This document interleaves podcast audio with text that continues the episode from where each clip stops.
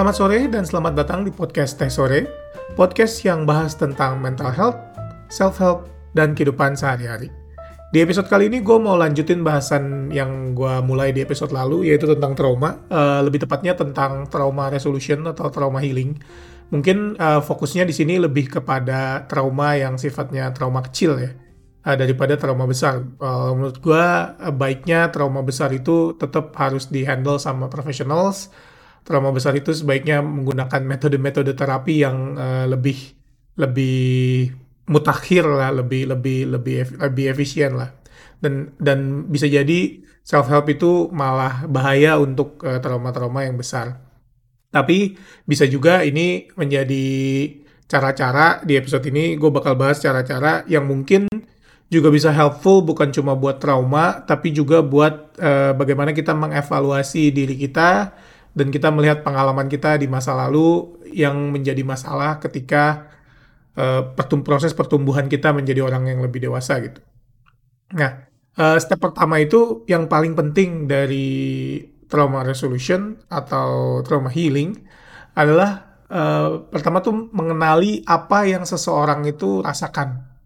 Jadi karena trauma healing biasanya unresolved, uh, sorry, unresolved trauma itu biasanya berkaitan erat dengan masalah uh, traumatis yang nggak pernah diadres atau selalu dihindari oleh seseorang. Jadi meskipun yang dirasakan oleh seseorang itu adalah masalah dia sehari-hari, misalnya dia punya masalah tentang procrastination misalnya, suka ngundur-ngundur waktu gitu, atau misalnya uh, punya masalah tentang social anxiety gitu. Biasanya seseorang tuh fokus dengan uh, masalah dia sekarang doang gitu. Tanpa tanpa uh, melihat apa sih sebenarnya yang membawa gua pada posisi ini gitu. Dan biasanya patternnya adalah ujung-ujungnya seseorang itu menyalahkan dirinya sendiri uh, karena atas masalah yang dia rasakan gitu. Misalnya kayak ada orang yang punya social anxiety, dia menyalahkan diri sendiri karena oh ya gue orangnya ini banget ya apa namanya tertutup banget ya gue kayak apa dingin banget ya sama orang lain ya.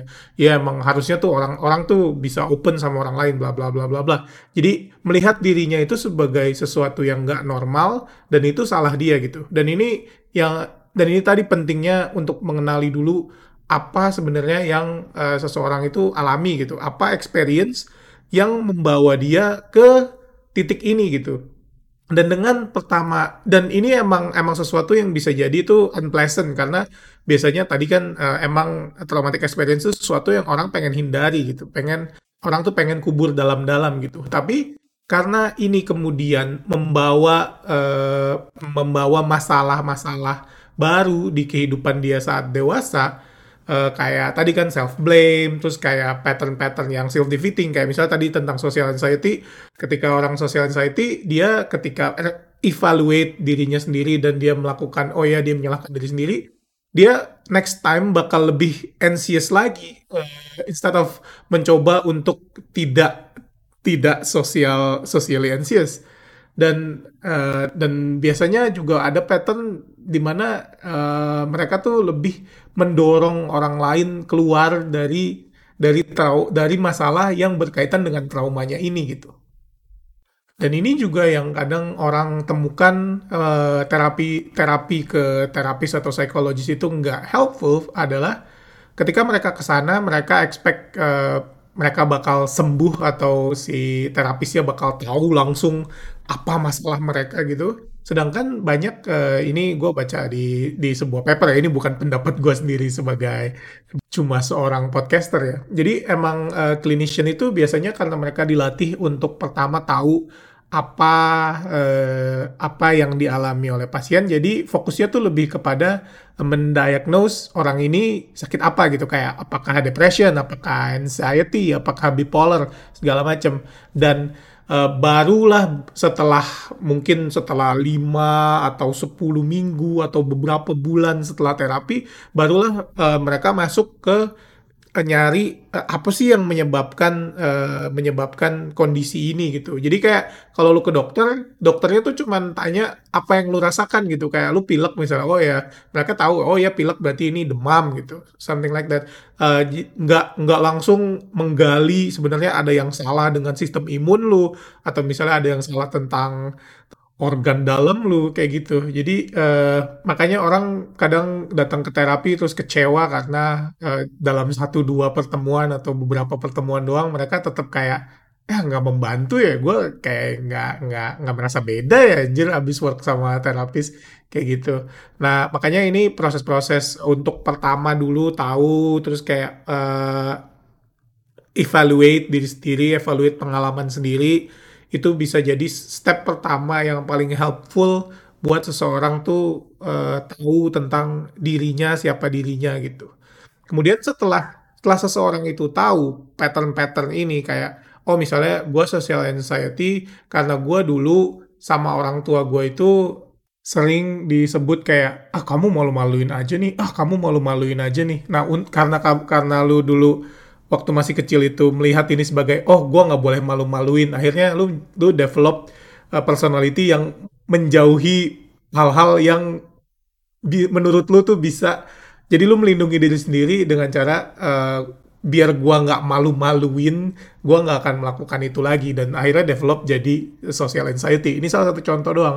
Dan tapi dengan dengan dengan mengenali pattern ini, oh uh, gua sekarang udah dewasa, gue udah nggak nggak perlu lagi menganggap hal yang dulu orang tua gue bilang itu benar uh, dan gue tahu gue itu kayak gini karena dulu orang tua gue kayak gini atau gue kayak gini karena dulu gue misalnya uh, jelek dalam tanda kutip. Karena ada orang-orang yang uh, masa kecilnya itu dia misalnya punya masalah sama kulitnya gitu atau misalnya dulunya dia gemuk atau misalnya dulunya dia suka diledekin sama teman-temannya. Pattern-pattern bullying lah intinya.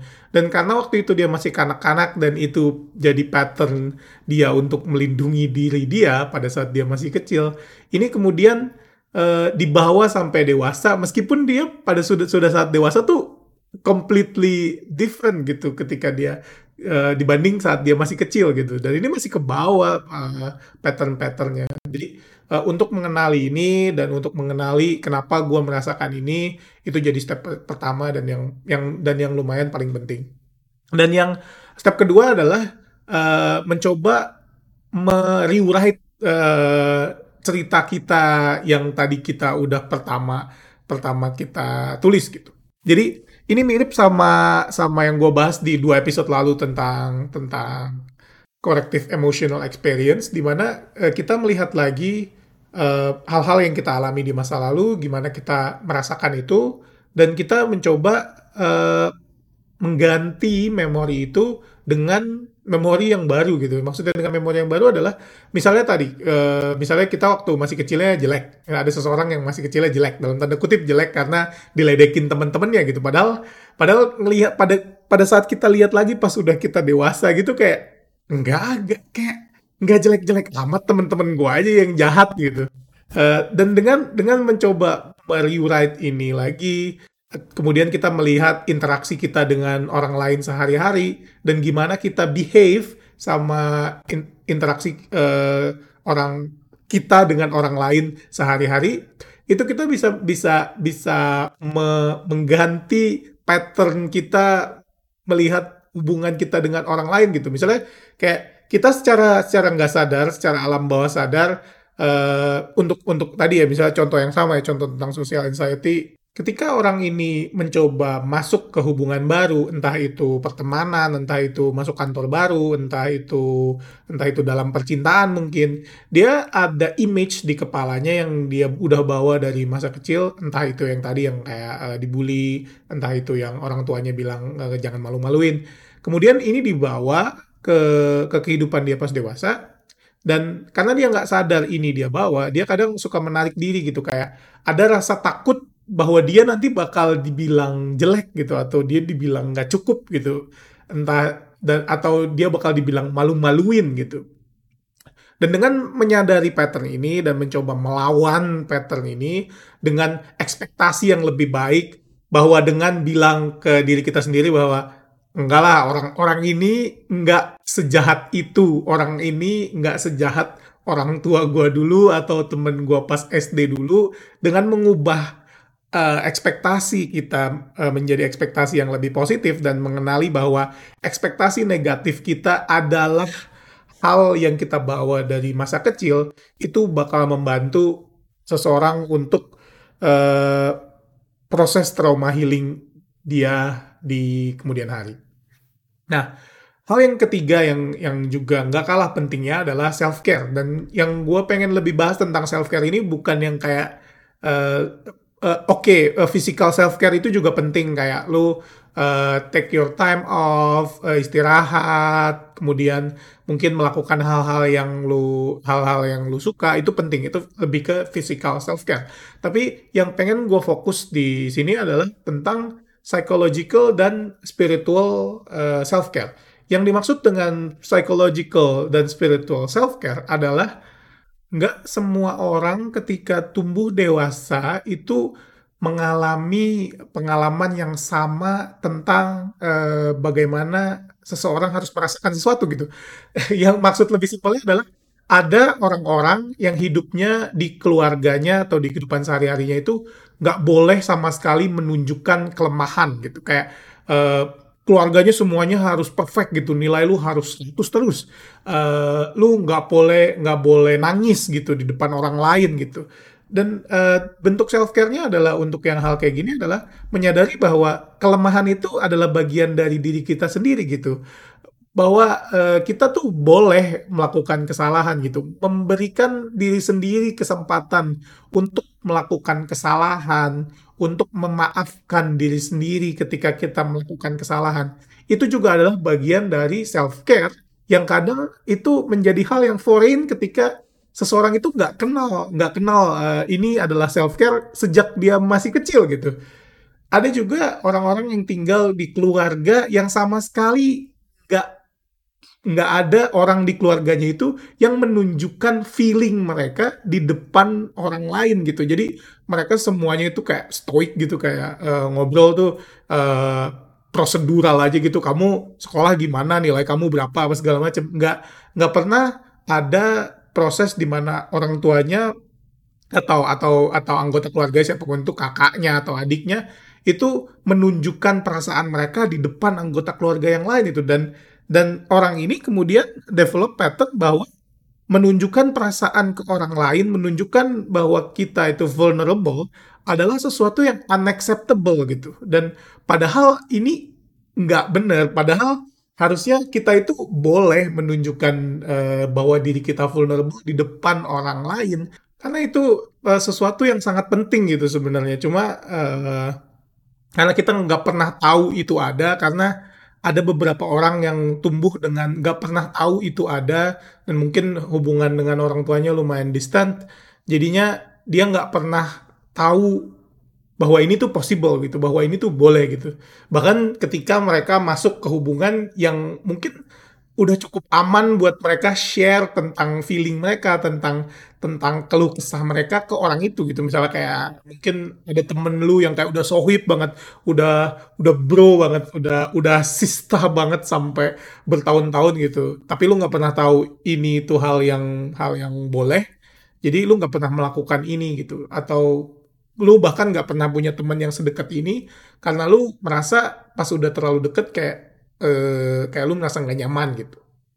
Nah ini kenapa kenapa self care yang tadi bentuknya psychological dan uh, spiritual itu juga penting. Yang berikutnya adalah nomor empat ini uh, bekerja dengan orang lain, working with others karena uh, prosesnya biasanya trauma itu never resolve karena kita menarik diri karena kita karena seseorang menarik diri karena orang melihat bahwa uh, trauma itu adalah masalah diri sendiri dan diri orang masing-masing dan itu adalah uh, keburukan yang nggak boleh ditunjukkan ke orang lain. Jadi uh, seseorang itu melihat bahwa ini hal yang gue harus selesaikan sendiri gitu. Padahal proses trauma healing yang paling efektif dan yang paling efisien adalah ketika uh, ini melibatkan orang lain gitu. Jadi tadi kan gue udah bahas yang step pertama kayak uh, gimana kita mengenali pattern, terus gimana kita menulis uh, lagi cerita kita, kemudian self care.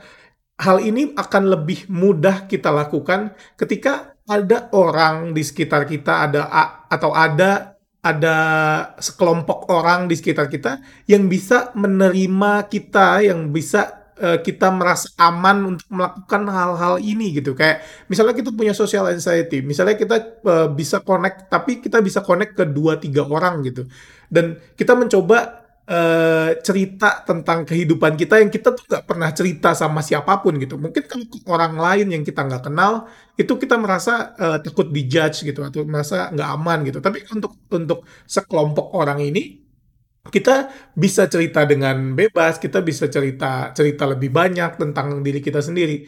Dan ini inilah kenapa uh, bekerja sama dengan orang lain ketika ketika proses trauma healing itu sangat penting gitu emang ini hal yang uh, bakal ditakutin sama banyak orang karena kadang membuka diri ke orang lain itu uh, ya tadi bisa jadi sesuatu yang mengancam mengancam diri mereka gitu. Jadi dia dalam kepala mereka ketika mereka membuka diri mereka, orang-orang tuh bakal lari sejauh-jauhnya dari diri mereka gitu. Makanya butuh uh, tadi kan uh, tiga step yang pertama biasanya sebelum seseorang tuh bisa masuk ke step yang ini gitu. Jadi dia udah work dulu sama dirinya sendiri. Ketika dia sudah siap, ketika dia udah merasa uh, bisa terbuka ke orang lain, ketika dia punya keberanian untuk melakukan itu, dia bisa melakukan, dia bisa mulai membuka dirinya ke orang lain dan bekerja sama dengan orang lain. Gitu. Nah, step berikutnya itu dan yang terakhir ini dan yang juga uh, paling penting, uh, semuanya paling penting lah ya tapi ini kadang orang suka suka overlook gitu. Yang kelima itu tentang eh, kesabaran. Karena semua proses ini, semua proses yang tadi yang uh, eh, gue bilang dari satu satu sampai empat itu semuanya butuh kesabaran. Semuanya itu uh, sebuah proses. Jadi nggak ada healing yang instant. Di mana uh, misalnya kita punya physical physical scar aja itu bisa heal uh, dalam bertahun-tahun gitu dan semakin dalam uh, scarnya, semakin dalam lukanya, semakin lama proses healingnya. Dan di dalam proses healing itu pasti ada naik turunnya di mana uh, kita bisa kita mungkin merasakan kayak oh prosesnya yang doesn't work atau mungkin kita merasa lebih buruk daripada sebelumnya segala macam itu adalah proses yang kita harus hadapi dan kita harus coba uh, mengerti. Kita kita coba regulate emosi kita, kita mengenali diri kita sendiri lebih baik. Dan ini adalah sesuatu yang juga penting untuk untuk seseorang bisa uh, sembuh dalam sembuh dari traumanya.